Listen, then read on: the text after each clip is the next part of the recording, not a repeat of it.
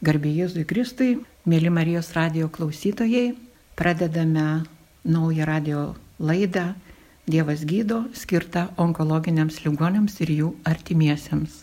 Su jumis esu aš, Šaldona Kerpytė ir mūsų pokalbio viešne Loreta Talatkelpšienė.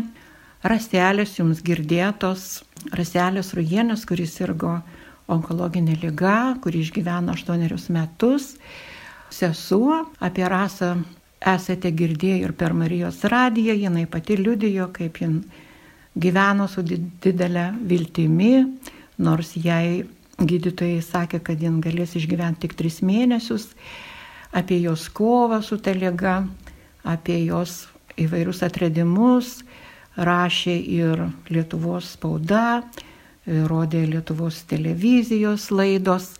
Algirdas Kumža parašė ir knygą apie rasą ir pavadino ją rasa. Susirgus e, ligoniai, susirgus pačiam, pačiam žmogui, pačiam visada yra svarbu, kas šalia tavęs.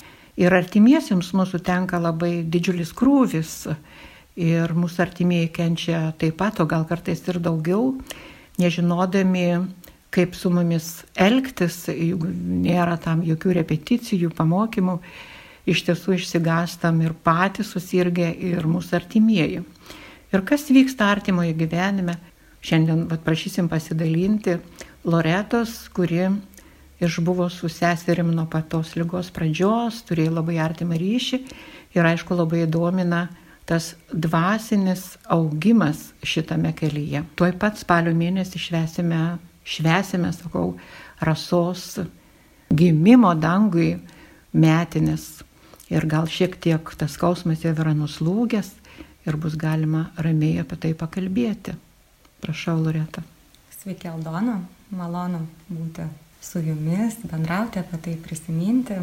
Tas kelias, kaip jūs ir sakėte, aštuoni metai, jisai buvo pilnas meilės, potyrių, jausmų, išgyvenimų, įvairiausių ir galiu drąsiai teikti, kad tai didžiulė dovana ir didžiulė dovana ne tik tai Dievo pažinimo, bet ir savęs pažinimo, pažinimo artimųjų, draugų.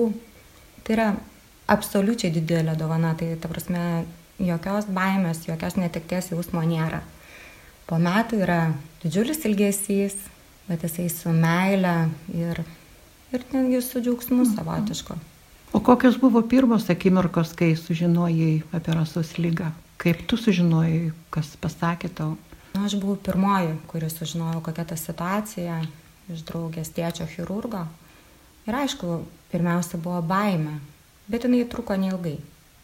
Tiesiog aš galvojau, kad reikia ieškoti greito būdo tą baimę išvaikyti ir imtis veiksmų ir jau nebeužteko tų paprastų žemiškų kažkokių sprendimų.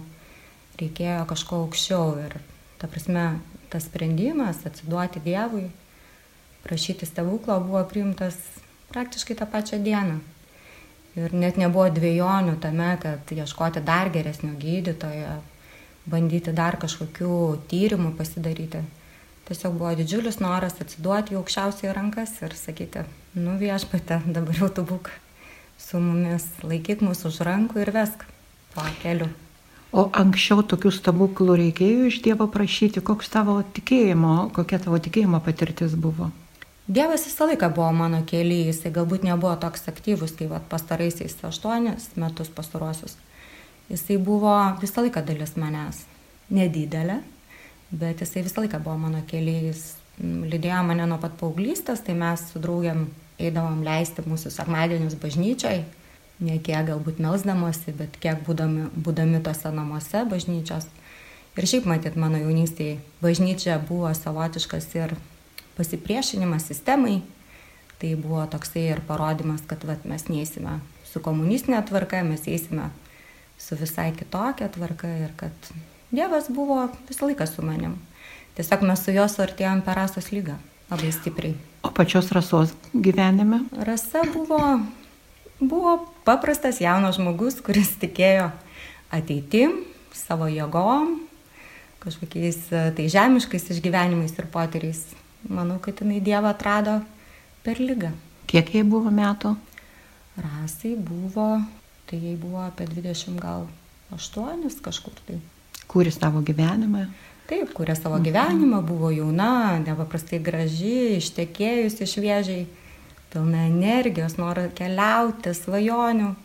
Prasme, niekas net negalvojo, kad čia va taip ims ir nutiks kažkas tokio, kas vers tavo gyvenimą aukštinkojom. Buvo laimingas jaunas žmogus. Nors dauguma ligonių ir artimųjų visų pirma ieško nu, medicininių galimybių ar ten kokių dar alternatyvių būdų, pirmiausia gelbėti tą kūną, gyvenimą ir paskui, kai jau atrodo nieko nebėra, jokių galimybių ieško ir Dievo. O čia toks sprendimas, kad reikia stebuklo, Dievo stebuklą atėjo iš karto, nes tų medicininių galimybių kaip irgi nebebuvo mums kai pasakė, kad likę keturi mėnesiai, tai faktas apie medicinę pagalbą mes labai santūriai galvojam ir jau čia visi supratom, kad čia vien tik tai medicina nepadės, nors medicina padėjo rasai labai, labai ir ta prasme jinai papolė pačius geriausius gydytojus, geriausius žinovus ir alternatyvios ir tradicinės medicinos. Bet pirmiausia buvo Dievas, pasitikėjimas juo, o po to jau tapo jo tie kūniško gydimo reikalai. Taip, manau, kad. Tai aš kaip suprantu iš artimųjų, čia ir žinoma rasos vyras, jo visi artimieji, bet tu buvai tas, kuris vairavo tą visą rasos kelionę per tą lygą, kai tarsi griebusi tą vairą į savo rankas, juk tau reikėjo kažkaip ir mamai pranešti apie tėveliui pranešti, ar pati rasa tą pasakė kažkaip labai įdomiai, taip ir kažkas mane pavadino rasos lygos vadybininkė. O, taip ir atrodė. Taip ir atrodė turbūt. Ir man iš tikrųjų padėjo labai daug Paulius, nes jisai pats buvo ir yra e, tikintis.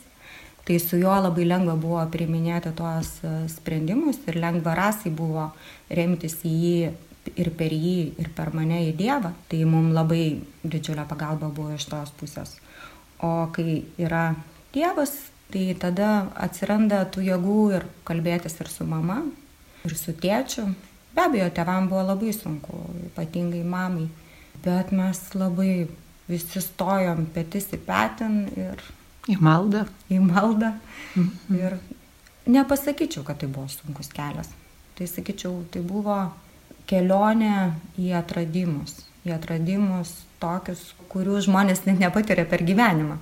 O mes per tos kelis metus patyrėm tokių dalykų ir to skausmo buvo daug, bet džiaugsmo buvo gerokai daugiau. Gerokai. Kuom džiaugiatės? Kiekvieną dieną, kiekvieną akimirką, kiekvieną patirtą malonę, kiekvienu saulės spinduliu, išlikusiais draugais, šventėmis šeimos, apsikabinimais, bučiniais. Ta prasme, gerai žodžiais, mes nebebuvom taupus emocijom. Mes sakėm, mylėjom, džiaugiamėms, na ir liūdėjom šiek tiek, aišku, liūdėjom, bet tas liūdėsys jisai buvo toksai gal kiekvienas atskirai užsidaręs, paliūdėdavo mūsų. Jautrumas buvo. Taip, taip, nu, ta prasme, nepasakyčiau, kad mes jau čia krikštavom ir, bet be Dievo to būtumėm neištvėrę. Tikrai. Ir Dievas padarė dar vieną ypatingą stebuklą rasos gyvenime. Taip. Ir jūsų visų. Taip, mūsų Lukas.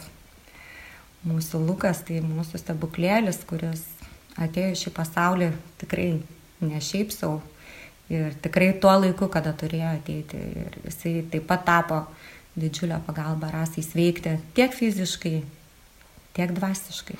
Čia buvo visiškas dievų stebuklas, nes raselė praėjus trims mėnesiams po chemoterapijos pastojo ir jai tikrai, nu, kaip buvo neįtikėtina ir gydytojams, kad jinai dabar tokiai situacijai dar gali pagimdyti sveiką vaiką. Jis ryžosi gimdyti ir pagimdė. Ir kiek dabar Lukui metų? Tai Lukas dabar yra mūsų pirmokas, jam jau vat, septyni metai. Jis eina per gyvenimą tvirtų savo mažučių žingsnių. Labai geras vaikas, labai iš tikrųjų jisai tikras Dievo palaimintas mūsų vaikas. vaikas. Mm.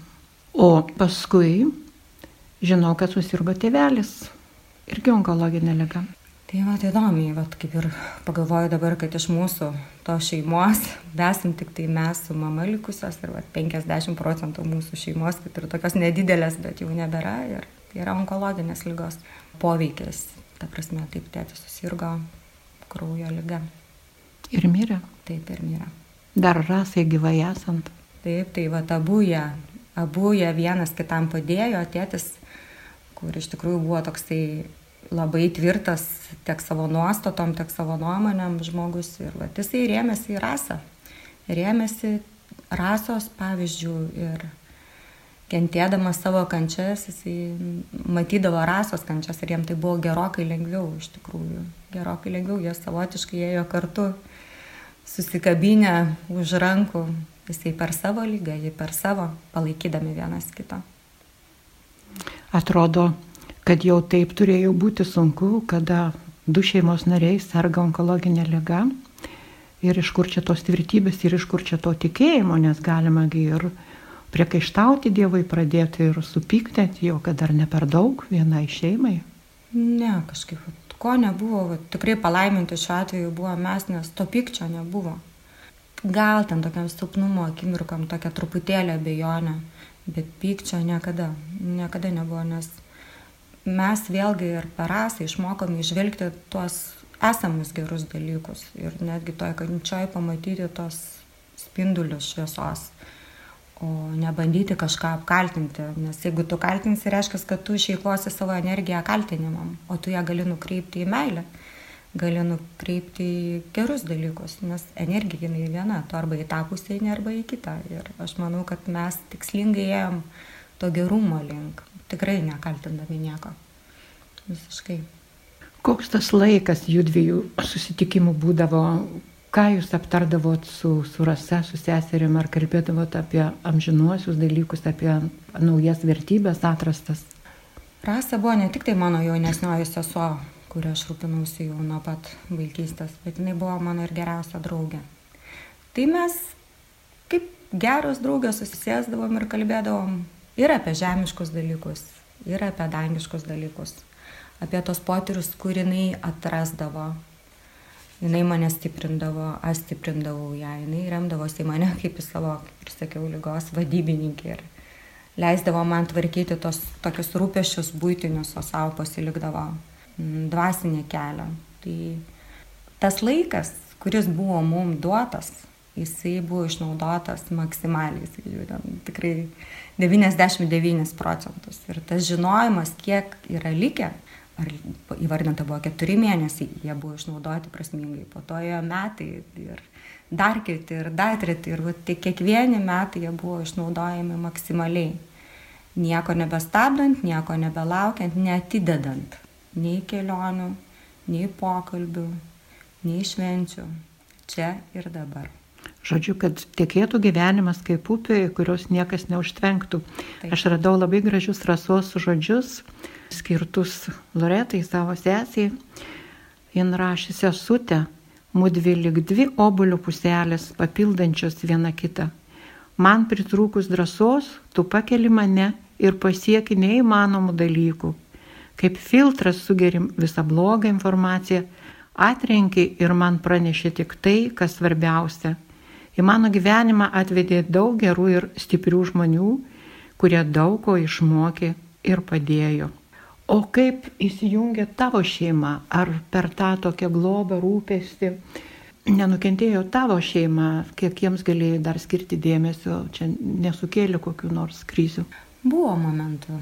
Ir va dabar jau rasas jau netekties metinėse.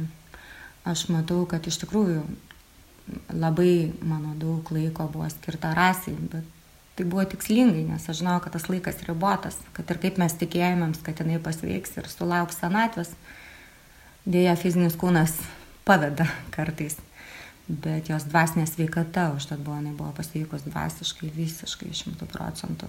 Bet nelabai įsivaizduoja, kad kažkaip kitaip galėjo būti. Be abejo, kad mano šeimai pritruko ir dėmesio, ir meilės, ir turbūt ir laiko, bet jie tam tikrą prasme irgi buvo supratingi jie leido man užsiimti to, ko reikėjo tuo momentu užsiimti. O aš ir negalėjau savęs atidalinti kitokią procentuotę, negu kas save buvo atidavusi rasai. Man tie metai buvo skirti rasai, nes tai buvo labai svarbu. Man buvo svarbu dėl mamos, dėl jos pačios, dėl manęs eiti kuo ilgiau kartu su ją šiam gyvenimo keliui. Nesigailiu dėl nieko. Buvo sunkių akimirkų su šeima, su vyru, su vaikais, bet, bet viskas yra gerai.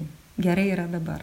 Padariau viską, ką galėjau. Taip, padariau viską, ką galėjau. Ir turbūt kiekvienam palinkėčiau artimui, darykite viską, ką galite, nes tik tai tada jūs būsite ramus, kai jau to žmogaus nebebus.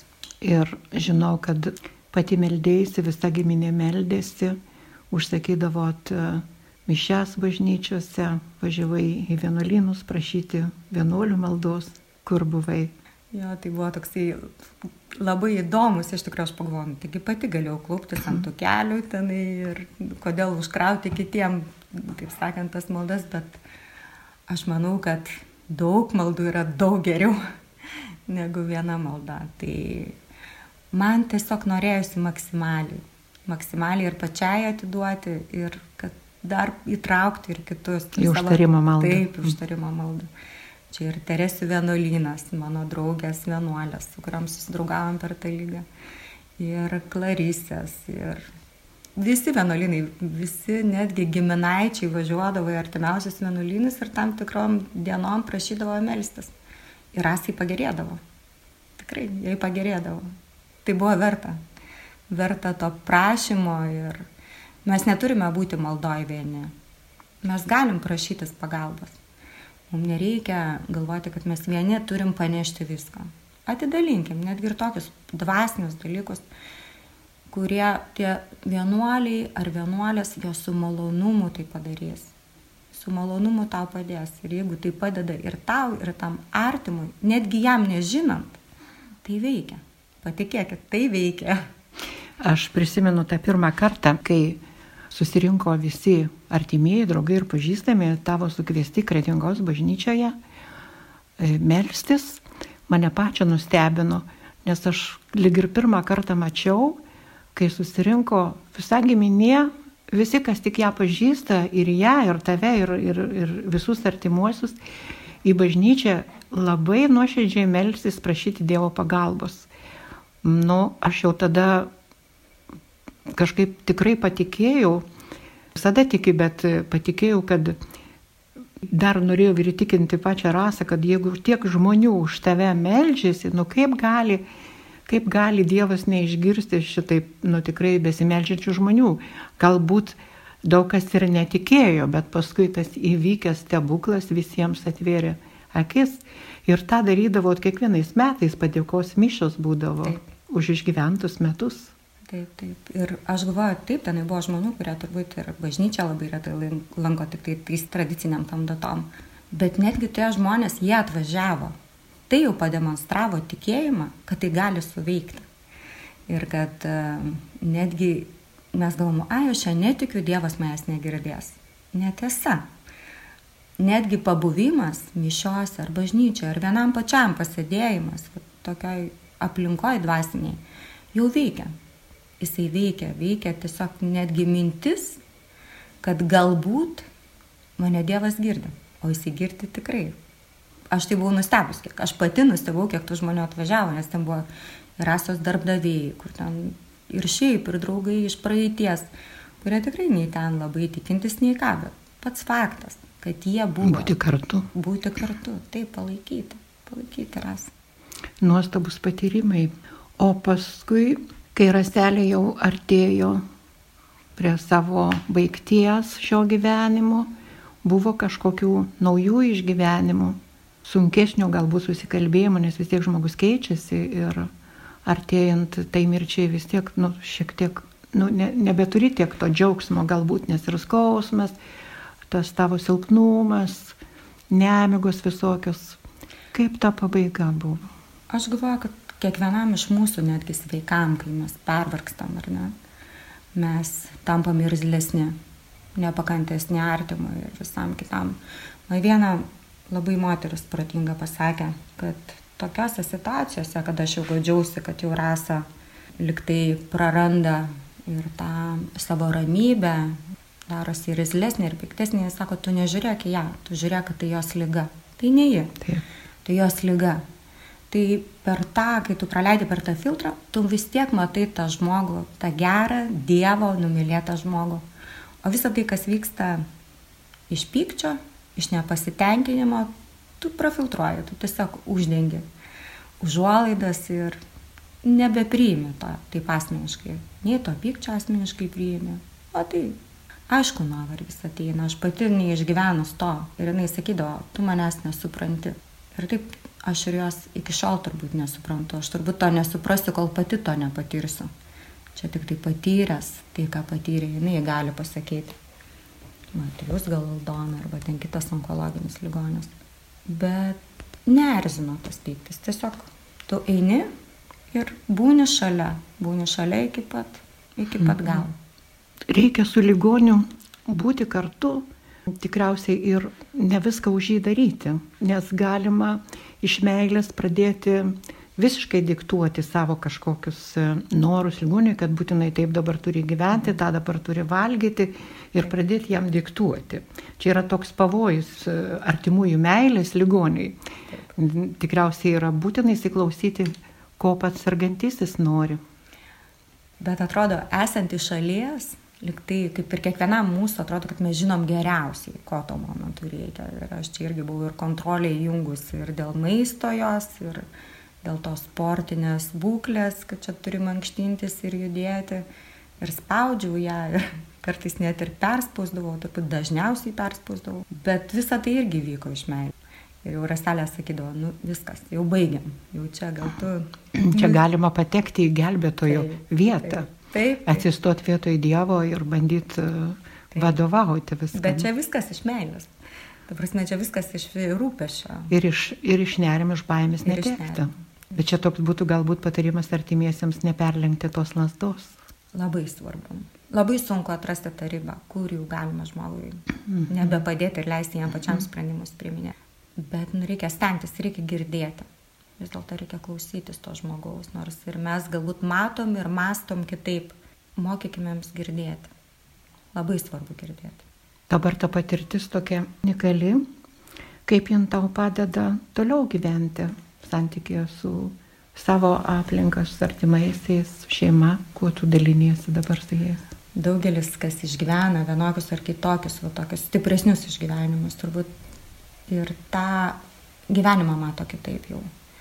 Tie paprasti dalykai, kurie suerzindavo, jie nebe taip erzina.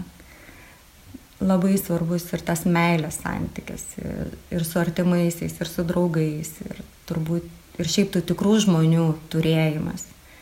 Nebebandant visiems įtikti, o tiesiog būnant laimingu su tiek, kiek turi.